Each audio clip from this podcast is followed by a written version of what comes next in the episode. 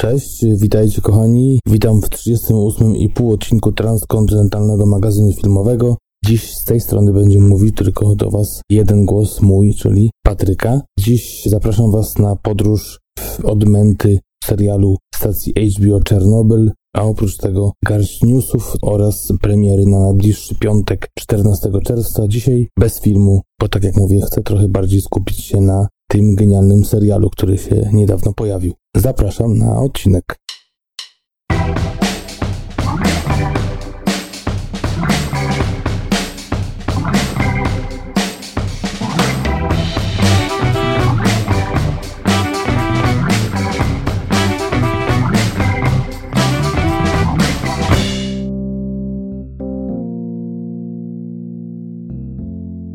Witam Was jeszcze raz. Po dość długiej przerwie, jeśli chodzi o odcinki moje solowe, bo ostatnia połóweczka z Islandii jeszcze miała miejsce 1 kwietnia, publikacja tego odcinka, więc już ponad dwa miesiące.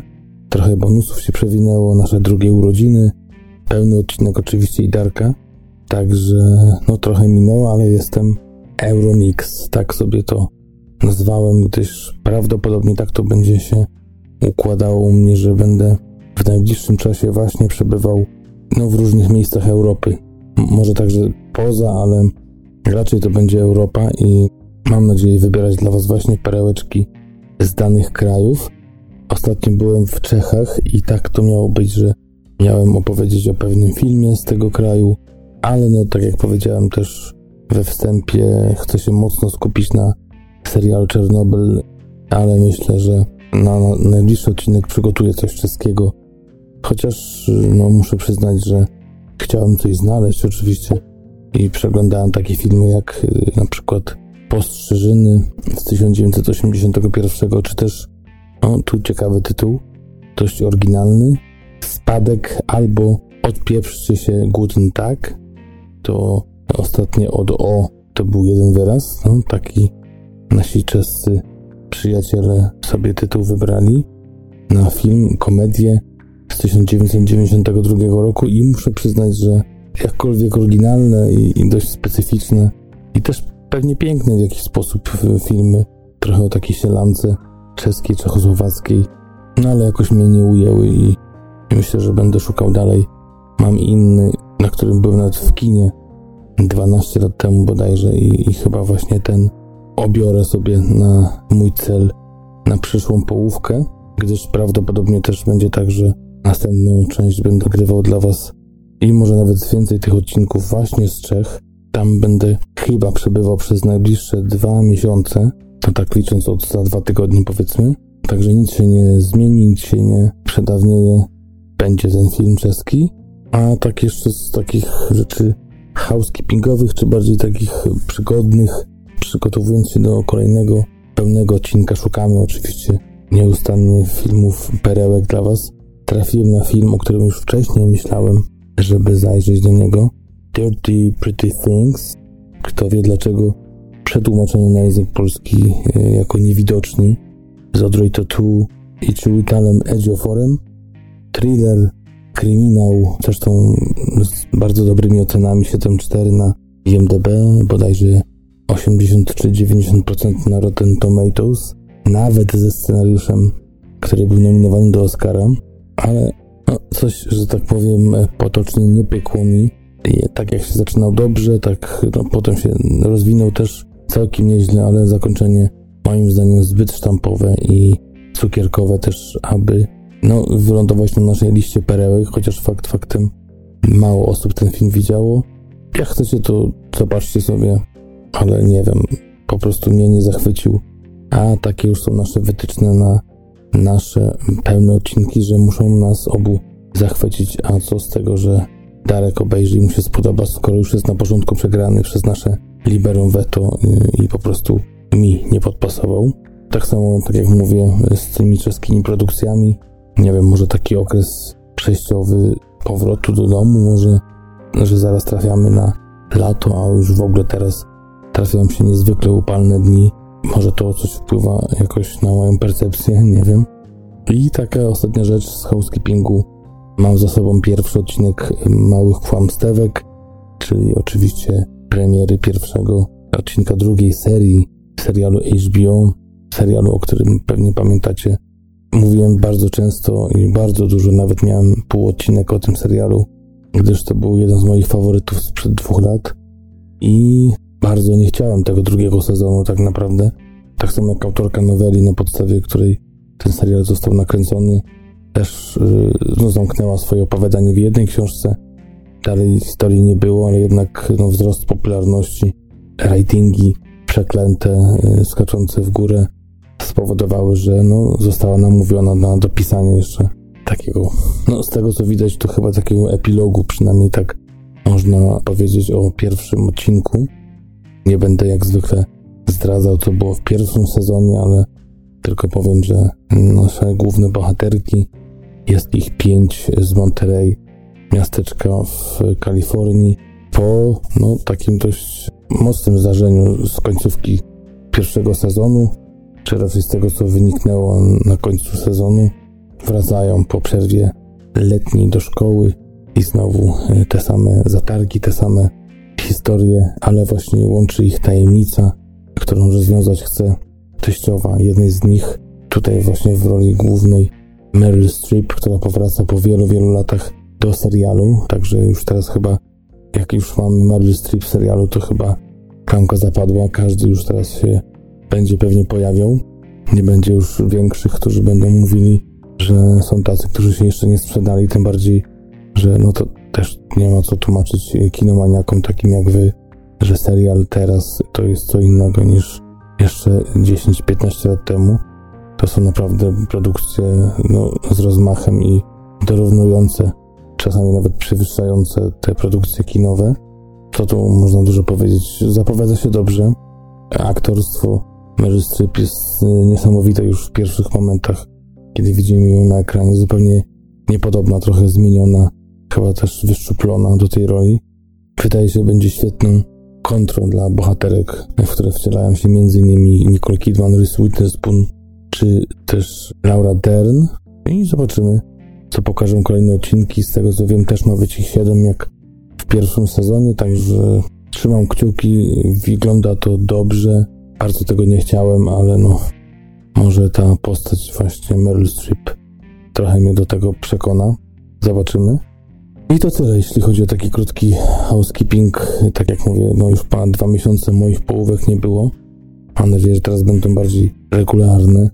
Ale tak to się akurat ułożyło z innymi odcinkami. I chyba zacznę od premier. Premiery, które będą miały miejsce 14 czerwca bieżącego roku. I opowiem Wam o trzech tytułach. Pierwszą z nich jest film Tajemnice Joanne. Jest to dramat brytyjski Film miał premierę w zeszłym roku już na festiwalu w Toronto, dokładnie 7 września 2018 roku. Akcja opowiada o Joan Stanley, która była najdłużej działającym brytyjskim szpiegiem KGB i tutaj mamy też dwa tory tej opowieści. Jedno to rok 2000, przedmieście Londynu, kiedy do starszej, spokojnej pani przyjeżdża szefostwo wywiadu brytyjskiego i zostaje aresztowana przez MI5 i oskarżona o szpiegostwo na rzecz komunistycznej Rosji. A potem spotykamy ją w roku 1938, kiedy to młoda Joan studiuje fizykę w Cambridge. Obserwujemy nieśmiałą i łatwowierną dziewczynę, która szybko daje się uwieść uroczemu i tajemniczemu Leo, w tej roli Tom Hughes, który wkrótce staje się jej przewodnikiem po obcym, ale i intrygującym świecie ideologii komunistycznej. Romantyczna idylla trwa aż do momentu wybuchu II wojny światowej. Joanne pracuje w ośrodku badań nad bombą atomową, gdy Leo prosi ją o przekazanie Rosjanom ściśle tajnych akt. Jeśli chodzi o scenariusz filmu, mam tutaj Lindsay Shapiro. Możecie ją kojarzyć ze scenariuszy do takich filmów jak The Headhunter z roku 2016 czy też z tego samego roku za film telewizyjny Royal Wives at War, czy też inny film telewizyjny z 2009 Enid, a reżyserem jest e, Trevor Nunn, rocznik 1940, także dość wiekowy pan. I ten pan ma na swoim koncie takie filmy jak Hedda, z 1975 roku, w którym to debiutował jako reżyser, Wieczór Trzech Króli z 1996, czy też Lady Jane z 1986. W obsadzie bryluje i pierwsze skrzypce gra Judy Dench, Brytyjka, która też już ma y, swoje lata, ale dalej utrzymuje się w niesamowitej formie, jeśli chodzi o aktorstwo i w ogóle fizyczność. Judy Dench ma na swoim koncie aż 7 nominacji do Oscara i otrzymała tu nagrodę w 1999 roku za drugą planową rolę w filmie Zakochany Szekspir. Oprócz tego wystąpiła w filmie m.in. Skyfall z roku 2012, czy też Notatki o skandalu z roku 2006. Partneruje jej właśnie Sophie Coxon, która wciela się w tą młodszą wersję Joanne. Tą panią mogliście widzieć w filmie Moonfleet z roku 2013, czy też Kingsman Tajne Służby z 2014 oraz kontynuację z roku 2017. Obok dwóch pań mamy też Stevena Campbella Moore'a. Ten aktor znany jest z takich filmów jak Męska Historia z 2006 roku, Angielska Robota z roku 2008, czy też Polowanie na Czarownicę z roku 2011. Budżet filmu jest nieznany. Wiadomo, że po wejściu do kin Stanach Zjednoczonych zarobił teraz już prawie 8 milionów dolarów. Jeśli chodzi o recenzję, no nie jest tutaj najlepiej, gdyż IMDB to 6.3 przy około 1,5 tysiąca głosów. Na Rotten Tomatoes jest jeszcze gorzej. 31% jeśli chodzi o krytykę przy 129 opiniach, więc no dość niewiele jest tych pozytywnych, a widownia już trochę lepiej się wypowiada, gdyż daje 66%. Jeśli chodzi o same recenzje, to mamy tutaj mocno mieszane opinie. I tak to mamy e, krytyka z The Guardian, który mówi o tym, że Julie Dench niestety, ale jest zmarnowaną aktorką, zmarnowaną rolą. Ciekawe, czy to akurat prawda. Inna opinia mówi o tym, iż jest to fascynująca historia z życia wzięta, która jest niestety, ale ukazana w zdumiewający, nudny sposób, że Joanne marnuje tak naprawdę niesamowitą intrygę swojej opowieści i właśnie ogromny talent samej Judy Dench. Inna opinia mówi o tym, że film może jest nierówny, ale jednak emanuje niezapomnianą esencją, która jest odświeżająca i wiarygodnie kobieca, jeśli właśnie chodzi o ukazanie Joanne jako szpiega. Film brzmi mm, no, interesująco, jeżeli chodzi o sam zamysł. Niestety szkoda, że jest strasznie nudny. No, jak widzicie, tak to y, niestety się układa, że, że większość jednak zarzuca przede wszystkim nudę wyjącą z ekranu.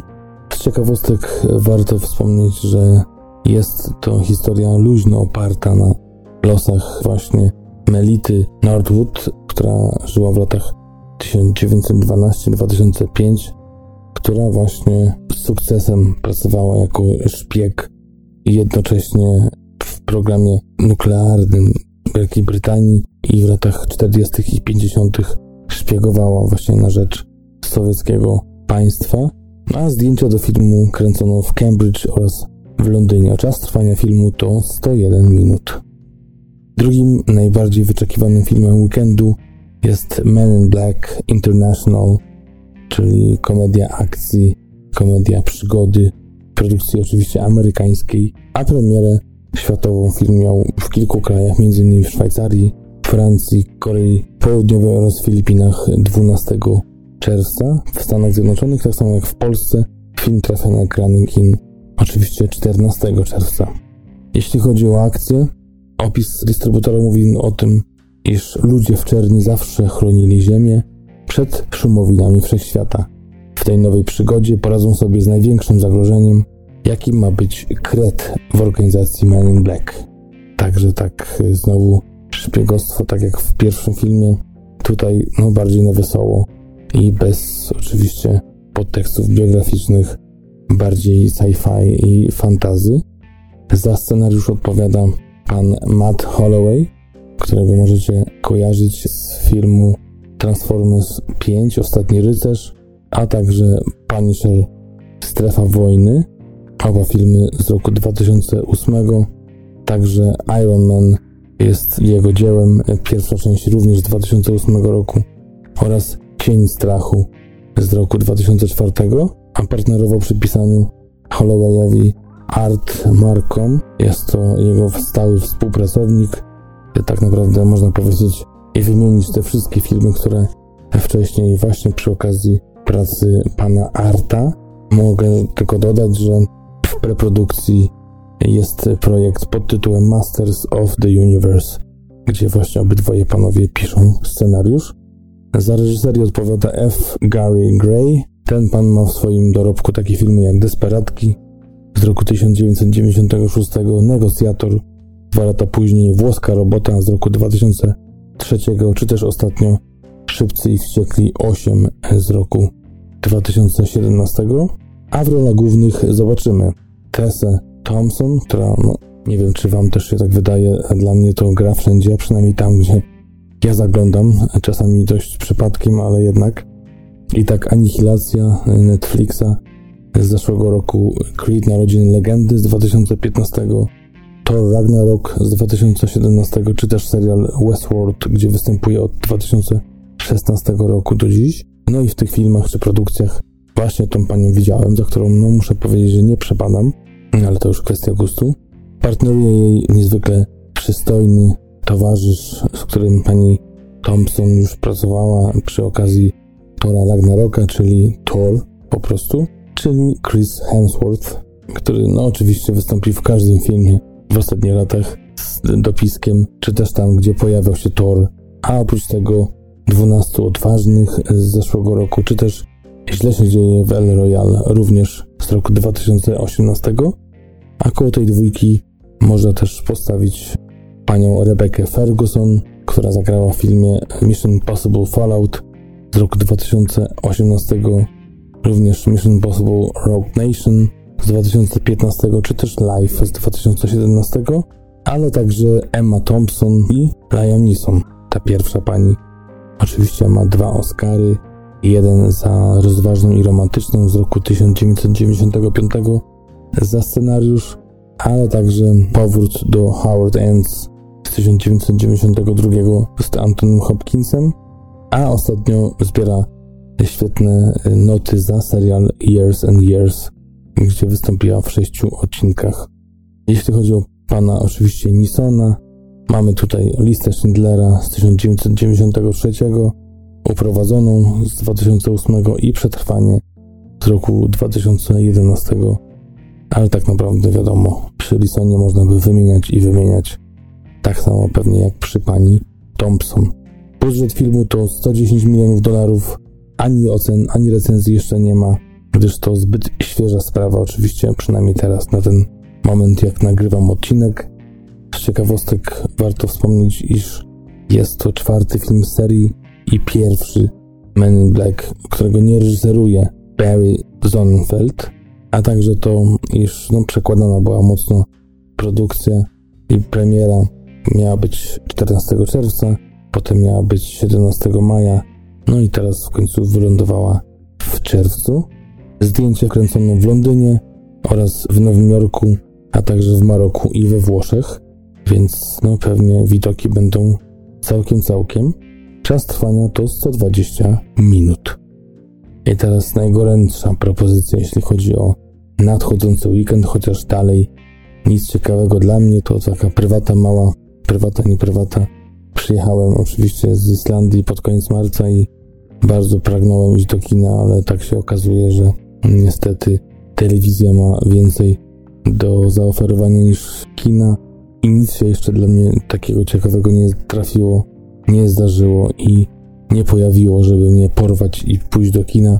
Byłem tylko z rodziną na Ugly Dolls, czyli Paskudy, który to y, film animowany Muszę powiedzieć, że wolę przemilczeć, żeby nie złowieszczyć tutaj na ten film, a jeszcze dodając do tego, ile zapłaciłem za taki wypad y, rodzinny, to już w ogóle ręce opadają, także nie będę tutaj komentował zbytnio, ale nie polecam, albo raczej polecam największym wrogom, właśnie paskudy Ugly Dolls. To tyle tak ode mnie, jeśli chodzi o taką krótką prywatę przed ostatnim właśnie filmem. Godzilla 2, Król Potworów. Film oczywiście przygodowy, film akcji, sci-fi produkcji amerykańskiej, którego premiera miała miejsce 31 maja w Stanach Zjednoczonych oczywiście, a wcześniej kilka dni, bo 29 maja m.in. w Belgii, Finlandii, Francji czy też Indonezji. Akcja kryptozoologiczna agencja Monarch staje twarzą w twarz z baterią bogów wielkości potworów, w tym z potężną Godzillą, która zderza się z Motrą Rodanem i jego wielką Nemezis, trójgłowym królem Gidorą. Także no, takie walki będziemy oglądać na ekranie. Krótszy jest opis, jeśli chodzi o film web. Po pojawieniu się nowego zagrożenia, król potworów powraca, by ponownie przywrócić w przyrodzie równowagę.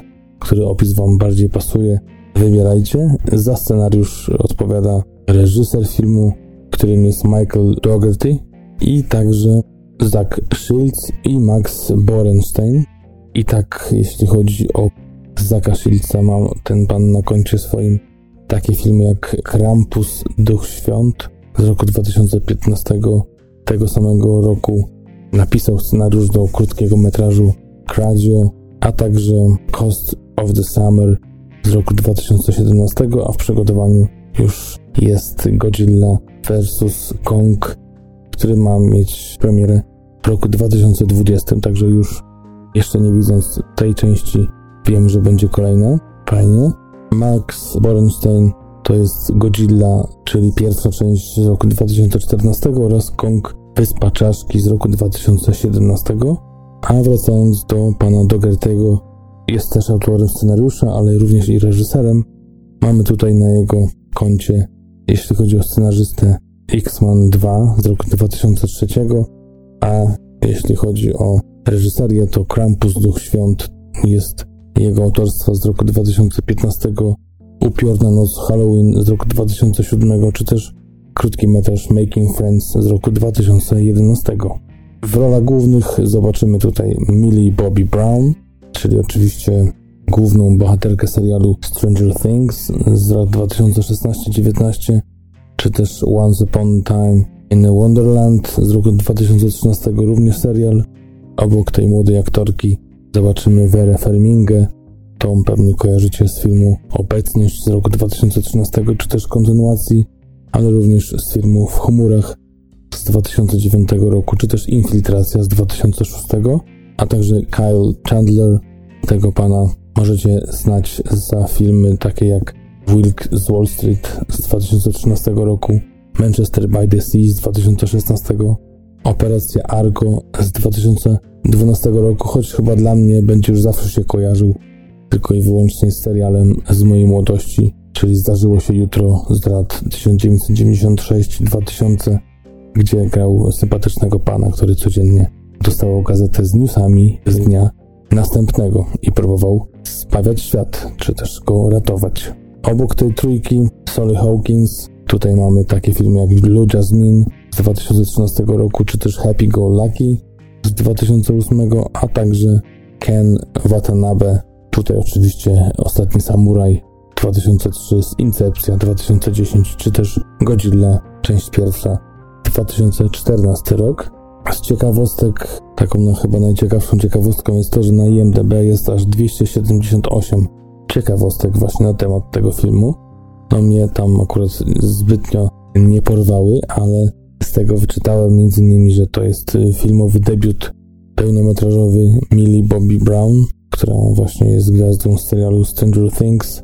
To, że Garrett Edwards miał być reżyserem, ale potem zrezygnował, a film kręcony był w Atlancie, Tunnel Hill w stanie Georgia, czy też w Meksyku, a same zdjęcia właśnie trwały od 19 czerwca do 27 września 2017 roku, więc dość już dawno. Jest to 35 już film od 1954, jeśli chodzi o tematykę, którą jest Godzilla, a jest to jednocześnie pierwszy film, gdzie Rodan i dorosła Motra toczą walkę. Jeśli chodzi o budżet i box office, mamy tutaj takie wyniki jak 197 milionów już zarobione po ponad tygodniu wyświetlania przy budżecie 170 milionów, ale jeszcze z tego co doczytałem 100 milionów dolarów poszło lekką ręką na promocję. Oceny nie są jakieś zbytnio wygórowane. Mamy 6,7 na IMDb przy około 33 tysiącach głosów. Na Rotten Tomatoes 40%, przy ocenie 5,1 na 10 recenzentów i no aż 283 recenzjach, także dość sporo już krytyków się wypowiedziało. Lepiej jest z widownią, bo jest to 85%. Jeden z krytyków mówi m.in., że jest to po prostu bezbożny bałagan. Inny mówi o tym, że film jest tak mętny, że wygląda na to, że został przerzucony chyba przez ciemno-niebieski filtr Instagrama. Inny z kolei krytyk mówi, że podobał mu się film Michaela Dogertego, był taki, jaki sobie wyobrażał i po projekcji się uśmiechnął. No, także jest jakiś pozytyw. Inny mówi o tym, że Godzilla to po prostu nieubłagana mgła destrukcji. Twórcza decyzja, która oczywiście niesie za sobą ogromną ilość zalet oraz wad. Kolejny krytyk mówi o tym, że dostał coś godnego podziwu, pięknego, bombastycznego, ale niestety zbyt, zbyt wiele razy. A wiadomo, że przejeść się można wszystkim. Mm, recenzent Guardiana z kolei mówi, dając dwie na pięć gwiazdek, że film ma rzadkie momenty wizualnej świetności, ale nie mogą niestety one ukryć śmiesznego scenariusza z rozpaczliwą narracją. No i to chyba tyle. Żeby nie dobijać leżącego, skończę tutaj wymienianie właśnie tych recenzji. Czas trwania filmu to 132 minuty. Zakładam, że fani serii i tak pójdą, gdyż no, są po prostu przygotowani na to, co się będzie działo. I tyle. Kończymy premiery na 14 czerwca 2019 roku. Teraz może kilka newsów i potem szybko do głównej produkcji dzisiejszego odcinka, czyli Czarnobyla. I tak jednym z ciekawszych newsów, myślę, ostatnich tygodni jest to, że David Lynch odbierze honorowego Oscara.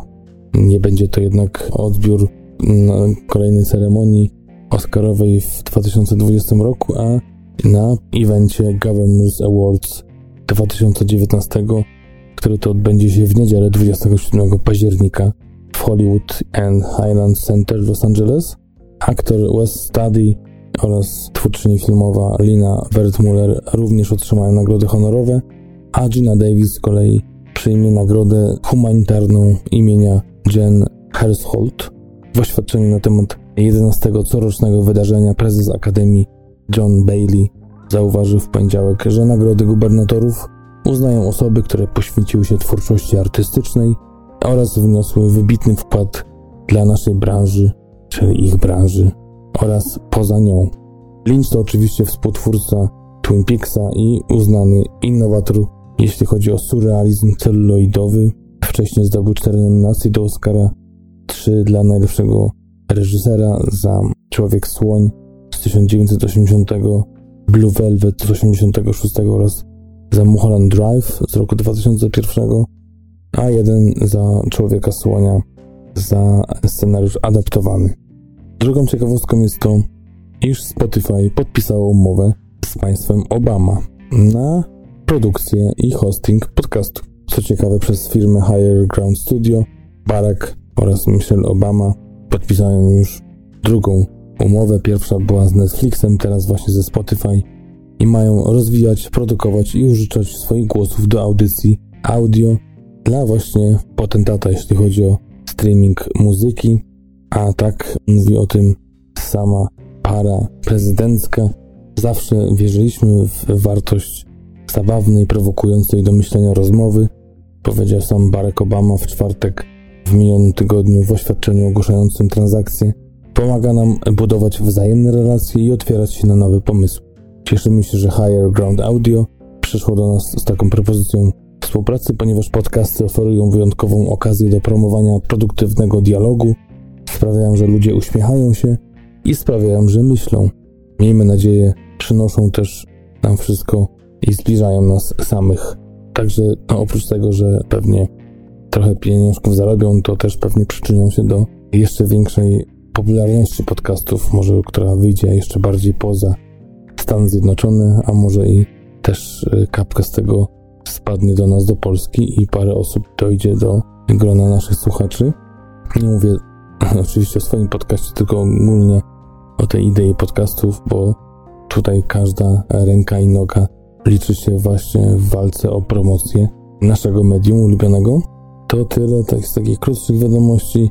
Jeszcze mam taką, że Robert Pattinson jest oficjalnie mianowany na Batmana. Jest oficjalnie właśnie twórcą głównej roli w filmie The Batman Mata Reevesa, która ma mieć premierę 25 czerwca 2021 roku.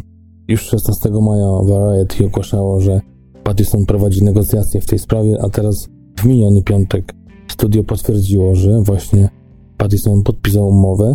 Produkcja ma rozpocząć się tego lata, ale nie ustalono jeszcze konkretnej daty kręcenia filmu. No, do czasu premiery mają jeszcze czas, więc myślę, że z takim dwuletnim wyprzedzeniem mogli sobie spokojnie taką datę ustalić. Reeves to twórca ostatnich dwóch sequeli Planety Małp, a jeśli chodzi o pracę przy Batmanie, to oczywiście przejął obowiązki po Benie Afflecku, który zrezygnował, czy raczej odsunięto go w styczniu 2017 roku od tego projektu. Reeves również wyprodukuje Batmana wraz ze swoim współpracownikiem od Planety Małp, Dylanem Clarkiem. A a propos Batmana i Afflecka, no zagrał on w dwóch tytułach e, w reżyserii Zacka Snydera Batman vs. Superman Dawn of Justice i Justice League z roku 2017. Oba filmy niestety otrzymały mieszane recenzje i były rozczarowaniem dla Warner Bros., a przede wszystkim w staraniach o konkurowanie z Marvel Studio na rynku filmów o superbohaterach. Jeśli chodzi o samego Pattisona, to oczywiście został on gwiazdą po przełomowym dla niego sukcesie w pięcioczęściowej serii Zmierzch, w której występował u boku Kirsten Stewart. Z innych zapowiedzi, jeśli chodzi o Pattisona, ma wystąpić razem z Johnem Davidem Washingtonem w najnowszym filmie Christophera Nolana Tenet, którego ma mieć premiera wcześniej, praktycznie rok przed Batmanem, czyli w lipcu 2020 roku, a także czekając na barbarzyńców w Netflixie. Kolejnym newsem jest to, iż stacja Showtime zamówiła komediowy serial Work in Progress spod pióra Abby McNanny oraz Lily Wachowski, czyli jednej sióstr wcześniej braci Wachowskich, twórców Matrixa innymi. Showtime zamówiło 8 odcinków, gdzie właśnie głównymi twórcami są wspomniana dwójka oraz Tim Manson. McEnany zagra również w serialu, który to ma być począć zabawnym i wyjątkowo ludzkim i opowiadać o 45-letnim samozwańczym grubasie z Chicago, którego nieszczęście i rozpacz nieoczekiwanie doprowadza do życiowej transformacji. Pilot serialu zadebiutował na początku tego roku w Sundance Film Festival, gdzie był oficjalnym wyborem programu Indie Episodic, a wraz z zamówieniem przez Showtime serialu ogłoszono, że Wachowski będzie współautorem również e, reszty sezonu, a także producentem wykonawczym wraz z McKenny oraz Mansonem, którzy również zajmowali się pilotem. Kolejny krótki news mówi o tym, iż Michael Fassbender, Jamie Foxx oraz Peter Dinklage rozmawiałem na temat współpracy z Melem Gibsonem przy jego remake'u filmu Dzika Banda. Gibson ma zamiar współtworzyć i wyreżyserować remake brutalnego i kultowego już westernu 1969 roku właśnie z Michaelem Fassbenderem, Jamie Foxxem i Dinklage'em. Już wcześniej ogłoszono, że współtwórcą scenariusza razem z Gibsonem będzie Brian Bugby, a także Gibson razem z nim będzie producentem wykonawczym filmu. Oryginał z 1969 roku, tak jak powiedziałem, był uznawany za jeden z najlepszych filmów w karierze reżysera Sama Peckinpa, który również miał na swoim koncie takie filmy jak Nędzne psy z Dustinem Hoffmanem, czy też Ucieczka gangstera, a sam film opowiadał o tym, jak to właśnie starzejący się banici z Dzikiego Zachodu próbują przeżyć ostatnie dni sławy tego regionu, zanim już świat, można powiedzieć, wychodził na prostą z tego okresu barbarzyńskiego do czasów nowożytnych. A ostatnim newsem jest to, iż Diane Kruger, Jessica Chastain oraz Lupita Nyong'o zagrają w thrillerze szpiegowskim 355. Diane Kruger, gwiazda m.in. Bękartów Wojny dołączyła właśnie do obsady thrillera w reżyserii Simona Kimberga pod tytułem 355, a ten numer to kod frakcji na cześć pierwszego kobiecego szpiega w rewolucji amerykańskiej. Sama Kruger zastępuje ponoć w roli Malion Cotillard, która opuściła projekt w maju z powodów osobistych, a oprócz Chasten i Nyong'o zobaczymy także Penelope Cruz, czy też Sebastiana Stana i Edgara Ramireza. Sam projekt i scenariusz był gorącym tytułem sprzedaży w Cannes w roku 2018, a Universal nabył prawa do dystrybucji tego filmu w Stanach Zjednoczonych. Sam Kimberg jest autorem filmu Roczna Phoenix, który oczywiście miał premierę w zeszłym tygodniu. I to tyle, jeśli chodzi o króciutkie newsy na ten tydzień, a teraz już przechodzimy do samego serialu Czernobyl. Jest to miniserial produkcji HBO, tak jak powiedziałem, pięć odcinków około godzinnych. Do tego mojego Euromixa na tyle się zgadza z tą ideą, gdyż no, HBO wyprodukowała go razem ze stacją Sky UK i no, wielu aktorów, przede wszystkim tych y, głównych, było właśnie z Wielkiej Brytanii. Serial miał swoją premierę 6 i 7 maja w Ameryce i w Anglii. Twórcą tej miniserii jest Craig Mazin, rocznik 1971, który ma na swoim koncie no dość, można powiedzieć, do tej pory mało dane, czy też bardziej może mało ambitne produkcje.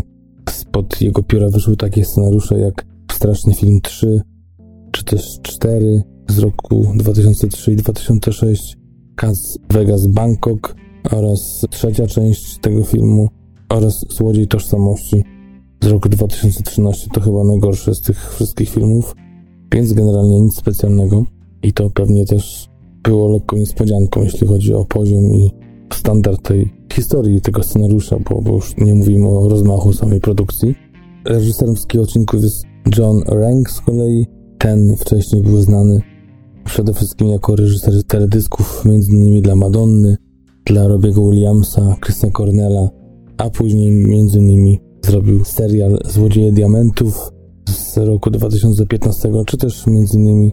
kilka odcinków Breaking Bad, czy też Wikingowie.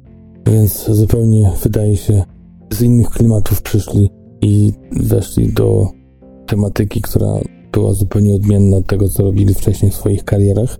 Sam Mazin opowiadał o tym, że jeśli chodzi o Czarnobyl, bo może zacznijmy od tego, że jest to taki dokument udramatyzowany, jak to potwierdza ten opis twórca, który opowiada o oczywiście wypadku w elektrowni atomowej w 1986 roku w kwietniu, jedną z najgorszych katastrof spowodowanych przez człowieka w historii i opowiada historię dzielnych mężczyzn i kobiet, którzy dokonali niesamowitych poświęceń, aby ocalić tak naprawdę całą Europę przed niewyobrażalną katastrofą, walcząc jednocześnie z kulturą dezinformacji, która no, była czymś na porządku dziennym w krajach sowieckich.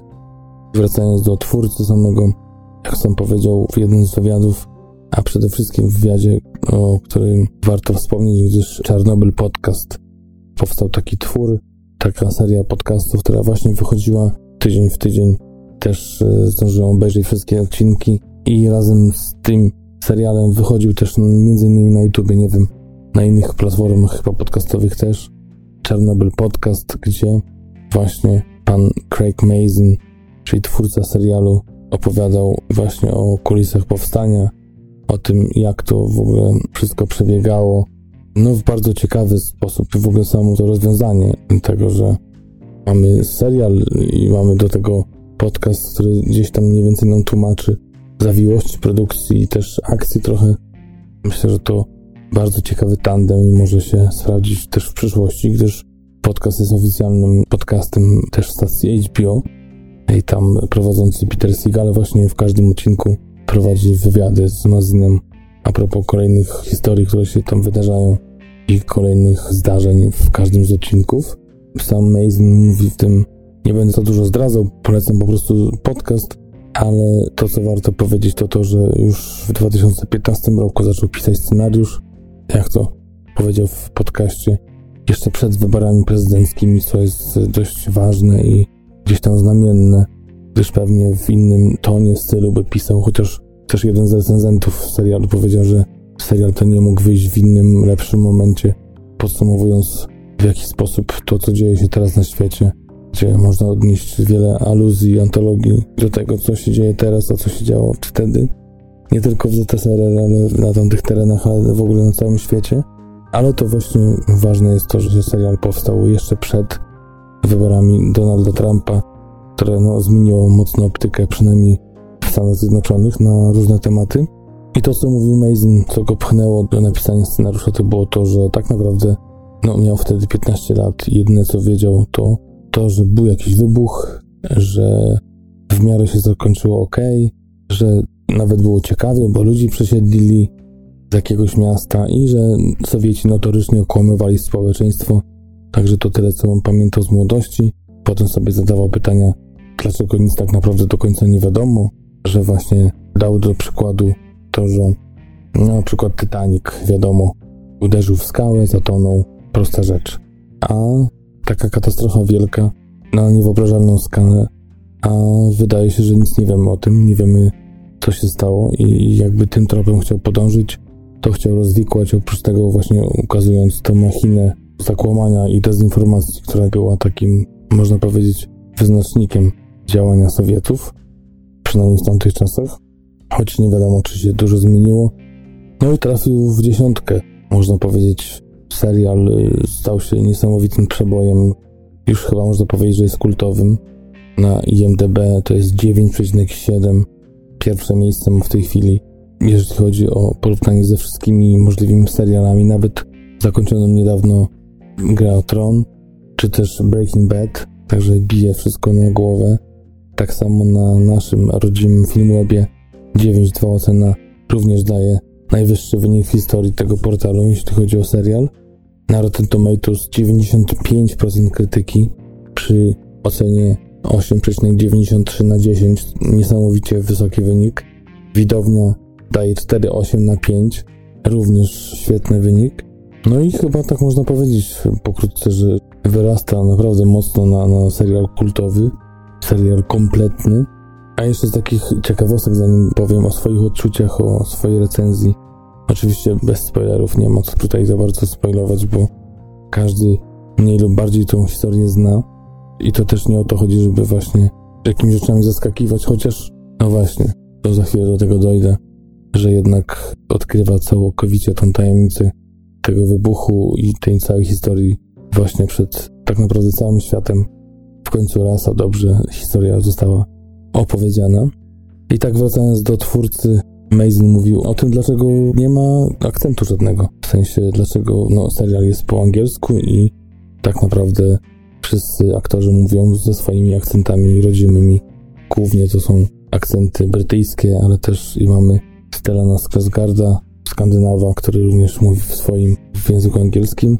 Powiedział o tym, że pomysł pierwszy był taki, żeby faktycznie zrobić lekki akcent rosyjski, ale doszli do wniosku, że traci się naturalność aktorów, że wpływa to na ich grę i że będzie chyba lepiej, jeżeli ten akcent będzie prawdziwy, naturalny angielski, nie amerykański, bo tego też bali się, że będzie to odpychające, ale właśnie głównie brytyjski. Ich też pragnieniem było to, żeby ludzie tak naprawdę no, zapomnieli już o tej sprawie akcentu i wciągnęli się w historię i no też muszę przyznać, że dokładnie tak jest w moim wypadku. Wcale to nie przeszkadza i nie ujmuje żadnej naturalności i prawdziwości temu serialowi, więc tutaj brawo ty, brawo wy, HBO za ten pomysł.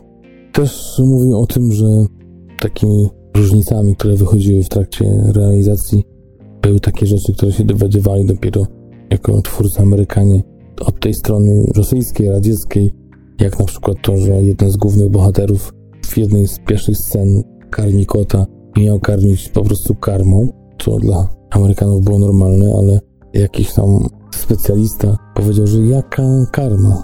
Koty w tamtych czasach jadły to po prostu co człowiek, co ich właściciel i tyle. I tak samo jak dziwiło ich to, że należałoby wpisywać jednak słowo kamrat, czyli po polsku towarzysz w te dyskusje przeważnie i przede wszystkim te oficjalne, co też y, Amerykanom trochę się w głowach nie mieściło, dlaczego takie coś istnieje. No, dla nas, nasza kultura, ta młodsza pewnie nie, ale ta, ta starsza ja na przykład kojarzy takie sformułowania i też, no, gdzieś tam w tych naszych filmach to się przewija, więc myślę, że bardziej dla Polski mocno jest po prostu to naturalne, że tak się po prostu mówiło kiedyś towarzyszu. Nawet do dziś czasami się używa tego w formie takiej gry słownej, czy gdzieś dowcipu. No Amerykanie musieli gdzieś tam się przełamać, żeby coś takiego napisać, ale faktycznie dopisali to i te słowo kambrat bardzo często pada. Jeśli chodzi o miejsce kręcenia, to oczywiście bardzo chcieli kręcić w Prypeciu i w Czarnobylu. Niestety, no co jest też rzeczą oczywistą, to miejsce nie wygląda tak jak w 86 roku, jest po prostu opuszczonym miejscem, zaniedbanym, więc ciężko było tam kręcić, ale chcąc najlepiej oddać klimat i zdjęcia oryginału, też zdawali sobie sprawę, że pewnie takie dzielnice, takie budynki nadal istnieją i znaleźli takowe na Litwie, również w innych miejscach, częściach Ukrainy, nawet u nas pewnie takie budynki by się znalazły, takie bloki. Niestety byliśmy jedną wtedy wielką rodziną i tak się po prostu budowało, więc nie mieli problemu z tym, żeby znaleźć podobne budynki, tak samo jak ze zdobyciem ubrań z tamtych czasów. Wszystko dało się łatwo odtworzyć i odnaleźć. Po prostu ludzie takie rzeczy mają gdzieś tam może z sentymentu, a niektórzy po prostu może w takich chodzą. Nie wiem, na Ukrainie nie byłem. Co ciekawe, po samej premierze serialu o aż 40% wzrósł zakup wycieczek do Czarnobyla. Także to też taka rzecz pozytywna. Wiadomo, że są tam miejsca, gdzie nie powinno się przebywać, ale jednak, no nawet mój znajomy Kuba był na takiej wycieczce kilka lat temu i sobie chwalił to. Oczywiście nie chodzi o piękne krajobrazy, ale to, że poczuł ten horror tego miejsca i to, że to było czymś naprawdę ważnym przeżyciem w jego żywocie, żeby tam się znaleźć i zobaczyć te miejsca opuszczone, które zostały nietknięte, jak nawet ponoć jakieś szkoły, klasy z zeszytami, z książkami, z długopisami, także takie rzeczy, czy też zwykłe mieszkania. Ponoć warto tam jechać i trochę też przewartościować swoje życie. Kto wie, może też się wybiorę, tym bardziej, że tak samo jak mnie zachwyciła ta historia, tak i moją żonę, więc kto wie, może kiedyś się tam pojawimy. Również mówili o tym, że bardzo chcieli odtworzyć z jak największym pietyzmem całą tą właśnie otoczkę, ten klimat miasta, zachowań, tej całej propagandy, dezinformacji, sposobu prowadzenia spraw wewnętrznych, ale i zagranicznych przez Związek Radziecki i to, żeby właśnie ponoć nawet i sznurowadła, buty, wszystko musiało być tak jak najbliższe oryginałowi. I tutaj też Mazin mówił o tym, że po prostu jego celem było to, że jeżeli jakiś człowiek, który przeżył tą tragedię, czy też kojarzy tamte czasy, spojrzał to, żeby czuł, że bardzo im się chciało, że się po prostu napracowali. I tak to też w moim odczuciu właśnie wyglądało, za to też jest ten serial chwalony. Ciekawostką a propos też tego, kto utworzył serial jest to, że oryginalnie Johan Johansson miał zająć się tworzeniem muzyki, czyli genialny Islandczyk, który niedawno zginął w Niemczech. No, nie wiadomo co to było, prawdopodobnie samobójstwo.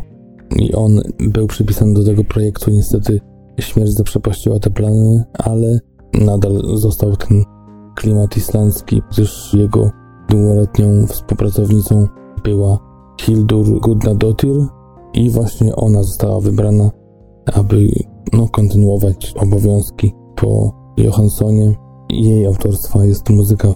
Ona z kolei znana jest z takich filmów jak Maria Magdalena, czy też Sicario 2 Soldado z roku 2018, czy też Porwanie z 2012, a niedługo w tym roku usłyszymy jej muzykę filmie Joker z Joaquinem Phoenixem. Warto jeszcze wspomnieć też o niesamowitej obsadzie, gdzie brylował Jared Harris, 57-letni aktor, który wcielił się w Legasowa, jednego z głównych naukowców, którzy pracowali w Czarnobylu po tej katastrofie i próbowali dojść do prawdy. Również Stellan Skarsgård jako Borys Szczerbina też świetnie wypada w swojej roli. Emily Watson jako Ulana Komczuk, też jest e, jedną z wybijających się postaci, chociaż akurat ona no jest ponoć według tego, co mówią trivia na IMDb i też w podcaście, jest to taka wymyślona postać, która ma być taką kwintesencją, taką synergią i syntezą wszystkich naukowców, którzy pomagali Legasowowi, których było około 20, z tego co pamiętam, tam właśnie na miejscu. I zamiast tych wszystkich ludzi stworzono właśnie postać Ulany, która pomagała głównym bohaterom. Sama była jedną z nich, jeśli chodzi o właśnie walkę o prawdę. I także Jessie Buckley, Irlandka, która wcieliła się w rolę żony jednego ze strażaków. Też niesamowicie przejmująca rola Ludmiły Ignatenko, która walczy o siebie, walczy o męża, również o prawdę tamtych czasów i tamtych zdarzeń. To są takie cztery wybijające się postaci i główni bohaterowie, wymieniając tylko kilka pozycji. U Jareda Harrisa mamy na jego koncie takie filmy jak Sprzymierzeni z 2016 roku, czy też ciekawy przypadek Benjamina Batona z 2008 roku oraz Sherlock Holmes Gra Cieni z 2011. Stellan Skarsgård to oczywiście Amistad z 1997 roku. Świetna rola w tym samym roku w filmie Buntownik z Wyboru, czy też Infomanka, część pierwsza i druga z roku 2013.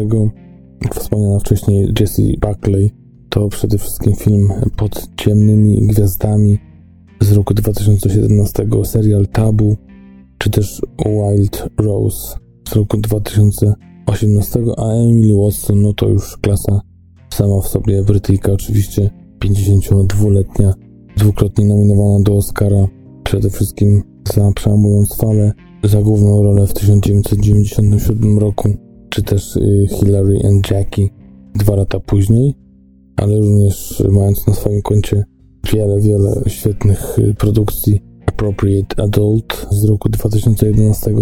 Za tamtą rolę otrzymała nominację do Złotego Globa. I ta cała czwórka, no tak jak powiedziałem, bryluje w serialu, który, tak jak powiedziałem, wyrasta bardzo szybko na serial kultowy, na serial zupełny, totalny, genialny po prostu. Choć są takie opinie, jak y, jedna, którą wyczytałem na Rotten Tomatoes, że Mason sprawdza wszystkie fakty istotne z historii, ale jego tani teatralizm umniejsza prawdziwą tragedię historii. No to już taka mocna broń wyciągnięta w kierunku twórców, która no nawet nie będę z nią dyskutował. Po prostu się nie zgadzam i zaraz do tego dojdę dlaczego i co tak mnie e, tak naprawdę poruszyło w tym serialu najbardziej. Oczywiście są pozytywne, niesamowite też oceny i recenzje, które mówią o tym, że pięć epizodów Czarnobyla Craiga Mazina, pełne pełzającego lęku i takiej gęstej atmosfery nie mogły się pojawić w lepszym momencie we współczesnym świecie społeczno-kulturowym i politycznym, albo to, że to nie tylko pięcioczęściowy film katastroficzny, ale także badanie sowieckiej wiadomości w jej późnym stadium, to też inteligentne, czasami zawiłe dziennikarstwo dotyczące zwłaszcza samej technologii energii jądrowej, gdzie właśnie wydaje mi się, że to jedna z najważniejszych rzeczy, która wypływa z tego serialu. Z jednej strony w łopatologiczny sposób, z drugiej naukowy, przewrotny i niesamowicie precyzyjny i świetnie podany sposób wytłumaczona jest od A do Z. Każda raz minuta doprowadzająca do tego wypadku, a także zaniedbania, dezinformacje, cały ten aparat polityczny, który działał i który spowodował po prostu tą katastrofę, którą próbowano po prostu zrzucić na zwykłych pracowników, którzy tamtej nocy pracowali na zmianie, w nastawni, w miejscu właśnie, gdzie steruje się całą tą elektrownią i tym całym blokiem i próbowano na nich zrzucić tę odpowiedzialność, ale serial tłumaczy, że to nie jest takie proste i to naprawdę nie jest tak. I Anatolij Diatlow, który był wtedy dowodzącym tej zmiany, jest mocno winnym. Jeśli chodzi o tą katastrofę, to jednak jego postawa jest też pokłosiem całych tych koneksji, które działały w ZSRR i tym, że gdzieś tam wyrastał z tych struktur i był częścią ich i, i też, można powiedzieć, systemowo już stworzona jego psychika w ten sposób, żeby o niektórych rzeczach nie myśleć, niektóre lekceważyć i, i no właśnie działał tak jak cały ten aparat polityczny w tamtych czasach. Tutaj też o tym nie wspomniałem świetnie. Paul Ritter wcielił się właśnie w rolę Diatlowa, który wcześniej grał w takich filmach jak Rozpustnik z 2004 roku, czy też Quantum of Solace w Bondzie oczywiście z roku 2008. Jeszcze, żeby przytoczyć kilka ciekawszych recenzji. Czarnobyl to dogłębna analiza historyczna, makabryczna epopeja katastrofy wypełniona sączącymi się pęcherzami i złowieszczym grzechotem liczników Geigera oraz przeważnie niesamowicie porywającym dramatem. To są też takie mocne słowa podkreślające, jak świetny jest to serial i jak dobre wybory dokonali twórcy. Też jedna z opinii mówi o tym, że tym serialem HBO wraca do serialowej czołówki telewizyjnej, które ośmielają się opowiadać trudne historie i tak naprawdę nie zastanawiają się nad tym, czy trafią, czy nie trafią, po prostu chcą taką historię opowiedzieć. Tutaj jest strzał w dziesiątkę. I teraz może parę słów ode mnie. Ja, tak jak powiedziałem, oglądałem ten serial z żoną. Niesamowicie przeżywaliśmy wszystkie te odcinki. Przede wszystkim chyba trzeci, ale i piąty, który no, wydaje się, że powinien już być takim epilogiem, takim odcinkiem na uspokojenie, na wyciszenie, ale tam dzieją się te rzeczy, czy bardziej opisywane są te rzeczy, które się działy minuta po minucie, gdyż mamy tam do czynienia już samym procesem trwającym rok później po wybuchu i to jak skupia się właśnie ten proces na wytłumaczeniu, ale niesamowicie pięknie, prosto, zrozumiale dla laika. No to jest przepis na katastrofę, tak podany nam po prostu w formie serialowej. Jakie były zaniedbania, jakie błędne decyzje były podejmowane, i to też tak nakręca tą dramaturgię, że się nawet nie chce wierzyć w pierwszym momencie, jak e, opowie się na przykład właśnie to, że odcinek jest o tym, jak e, opowiadają na sali sądowej o tym, co się działo minuta po minucie. Wydaje się nie tyle, że to może nudne, ale no ile w tym dramaturgii może być po prostu fakty, fakty i jeszcze raz fakty, ale tak nie jest. Tym klimatem, tymi już zbudowanymi postaciami, muzyką, operowaniem światłem, retrospekcją, twórcom udaje się zbudować ten klimat, który przeraża porusza przez wszystkie 5 godzin, niecałe, no bo oczywiście taki odcinek mniej więcej godziny trwa. Niektóre są dłuższe niż godzina, niektóre krótsze. I to w jaki przejmujący sposób to wszystko jest prezentowane. Trzeci odcinek to też jest opis historii rodzinnych, dramatów, to jak to wpłynęło na, na ludzi, ale też samo ukazanie tych naiwnych, ale też po prostu niewiedzących, co się dzieje, ludzi mieszkających w Prypeciu, którzy zupełnie nieświadomie na przykład oglądali wybuch, zachwycając się nawet kolorami, które wypływają z samego reaktora, tym, że jakby ta opinia publiczna też była okłamywana tym, że konsekwencji nie będzie, że każde takie sformułowanie mówiące o tym kłamstwie, o tym, że no, w pierwszych momentach mówiono o tym, że po prostu pali się dach, tak więc y, strażacy gasili ten pożar, czasami nawet bez tych kurtek ochronnych, no co jakby przy tym stężeniu promieniowania no, było zabójcze tak naprawdę już w chwili przybycia. To, że nawet oni właśnie byli okłamywani, tak samo reszta społeczeństwa. A propos tego, co się tam działo, na jaką skalę jest ten wybuch, to wszystko jest niesamowicie ujęte właśnie też między słowami i też wykrywane niesamowicie przez aktorów. Z odcinka na odcinek to wszystko narasta i powoduje, że po prostu chłoniemy tą atmosferę, chociaż jej się boimy. Można spokojnie ją porównywać do horroru. Ludzie po prostu uciekają przed jakimś nieznanym potworem, a nawet nie wiedzą, że ten potwór ich atakuje. Także to wszystko jest y, niesamowicie przejmujące, pięknie przy tym oddane, chociaż zatrważające i niesamowicie krwawe. No wiadomo, słyszało się historie, jak ludzie wyglądali po tym wybuchu albo po tym, co się działo. Też te opowiadane dramaty, działania aparatu partyjnego, to wszystko jest niesamowicie ujęte w tych pięciu odcinkach. Oczywiście tutaj nie ma mowy jak przy okazji wielkich kłamstewek, że będzie jakaś kontynuacja, już twórcy zdementowali te pogłoski, bo oczywiście fani pewnie i, i pewnie ci, którzy liczą pieniążki, chcieliby czegoś takiego. Wcale mnie to nie dziwi, ale no nie, no twórcy mówią, że niech sobie to wszyscy wybiją z głowy. Nie ma mowy o żadnej kontynuacji. To jest zamknięta historia, to jest pigułka, którą teraz przez lata będą oglądać kolejne pokolenia.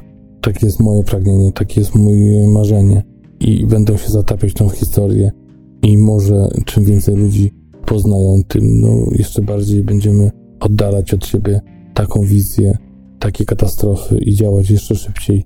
Nauczymy się człowieczeństwa. Myślę, że bohaterstwa to są niesamowite historie górników, którzy pomagali chłodzić reaktor, poświęcając praktycznie swoje życie. Ludzie, którzy sprzątali, też są co do jednego wyliczani jako bohaterowi narodowi, którzy byli bezinteresowni w tym, po prostu chcieli pomóc, chcieli czasami bez tej świadomości oczywiście, ale, ale jednak większość już wiedziała o co chodzi, z czym przyszło im walczyć i po prostu wybierała tą chęć pomocy. To jest niesamowite, że, że to jest tak naprawdę serial o superbohaterach, serial polityczny, serial gdzieś pewnie wojenny, społeczny, serial o dramatach rodzinnych, o wszystkim tak naprawdę. Wydawałoby się, że temat stary, martwy, tak naprawdę do niczego, na żaden serial nikogo nie porwie, a, a do tego jeszcze powstało tyle dokumentów, tyle filmów na podstawie właśnie tej katastrofy, skupiających się trochę na innych rzeczach, głównie na, na tych naukowcach, którzy gdzieś tam zdalnie pracowali. Nie połączone były te historie z, z jakimiś dramatami ludzkimi. Tutaj mamy to wszystko razem skondensowane, wszystko razem podane na tacy. Dla mnie, no jeden z najgłębszych seriali, najbardziej takich, które przeżyłem w moim życiu i życzę wam i, i sobie też kolejnych takich podobnych, chociaż pewnie będzie to ciężko. I jeszcze ostatnią rzeczą, o której chciałbym wam powiedzieć a propos serialu, czy w ogóle całej produkcji, to to, że ostatnio właśnie po emisji chyba, czy mniej więcej w okolicach emisji ostatniego odcinka doszły informacje, iż rosyjska telewizja państwowa chce wyemitować własny dramat właśnie o katastrofie Czarnobylu z 1986 roku, ale ponoć w przeciwieństwie do HBO ma opowiadać inną, alternatywną wersję, która mówi ponoć o szpiegu CIA, który był obecny w tych najgorętszych momentach wypadku. Ma być nadawany na rosyjskim kanale NTV. Ciekawe, jak to ma wyglądać. Ponoć będzie kręcony na Białorusi, będzie miał znacznie więcej swobody. Opis serialu mówi, że spisek koncentruje się wokół agenta CIA wysłanego do Prypeci w celu zebrania informacji wywiadowczych na temat elektrowni jądrowej w Czarnobylu i rosyjskiego agenta kontrwywiadu wysłanego, aby go wytropić. No, brzmi jak fikcja, ponoć tak jest. Chociaż reżyser Aleksiej Muradow mówi, że jego show opowie widzą, jak naprawdę było i co się tak naprawdę tam wydarzyło. Istnieje teoria, że Amerykanie infiltrowali elektrownię jądrową w Czarnobylu i wielu historyków nie zaprzecza, że w dniu eksplozji na stacji był obecny agent wywiadu wroga, tak powiedział Muradow tabloidowi Komsomolskaja Prawda. Powiedział również, że show proponuje alternatywny pogląd na tragedię w Prypeci, także ciekawe już, że, że coś takiego się pojawia i to zaraz po tym, jak właśnie sukces święci serial amerykańsko-brytyjski. W tym samym artykule widnieje wpis, że Czarnobyl HBO pokazał, czy raczej nie pokazał najważniejszej części, czyli zwycięstwa właśnie ZSRR. Także no, to ma się zmienić właśnie w tym serialu. Inny korespondent wojenny z kolei, ponoć e, wybitny Dmitri Steshina, mówi oczywiście w tej samej gazecie, że serial został nakręcony w celu sabotowania zagranicznej sprzedaży technologii energii jądrowej przez rosyjską firmę państwową Rosatom. No, ciekawe są te wszystkie teorie. Zobaczymy, jak to będzie, zobaczymy, co przyjdzie właśnie z tej produkcji rosyjskiej. Myślę, że to taki ciekawy komentarz i podsumowanie tego całego serialu. Właśnie, że teraz Rosjanie pokażą swoją wersję wydarzeń. Skąd my to znamy, tak naprawdę. Także to tyle na zakończenie opowieści o serialu Czarnobyl. Po prostu musicie go zobaczyć. Dla mnie ocena 16 na 15, bo co tu też mówić. Serial po prostu genialny w mojej ocenie. Wiem, że Darek też ma podobne wrażenia.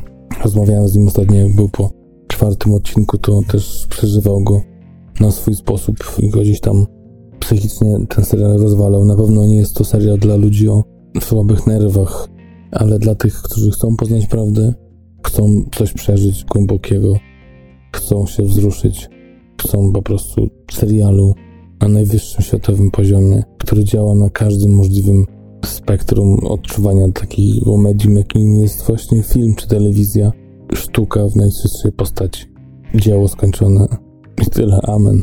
Dziękuję za ten półodcinek, za wysłuchanie trochę takich mocno osobistych odczuć. Mam nadzieję, że zachęciłem i że miło spędziliście ten czas, słuchając kolejnego półodcinka transkontynentalnego magazynu filmowego. Oczywiście zapraszam na naszą stronę www.tmfpodcast.com. Zapraszam na poprzednie dwa bonusy, które były Rocketman Darka oraz Catch 22, czyli film biograficzny o Eltonie Johnie i też serial wojenny George'a Clooney'a. Te oba odcinki były autorstwa Darka.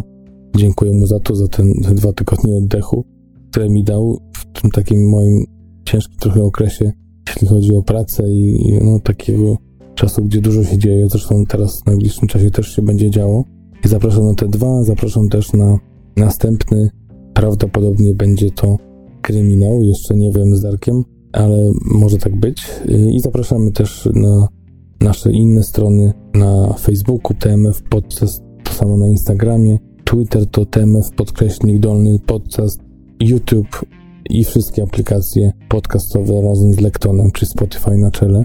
Zapraszam do kontaktu, do recenzji, do sugerowania nam może filmów, seriali, dlaczego nie. Są tacy, którzy gdzieś tam w dialog z nami wchodzą i oczywiście chcemy tego jak najwięcej. Lubimy, kiedy ktoś się odezwie i da znać, że tutaj jestem, słucham i w miarę mi się to podoba, także fajne są tego typu interakcje i czekamy na nie zawsze z wypiekami na twarzy. I mówię, w następnym tygodniu pełny odcinek, a potem lecimy aż do przerwy pewnie jakieś letnie i zobaczymy, co będzie potem. No i tyle. Dziękuję Wam, Patryk z rodzinnego Gdańska, swojego miłego weekendu i zapraszam na kolejne odcinki.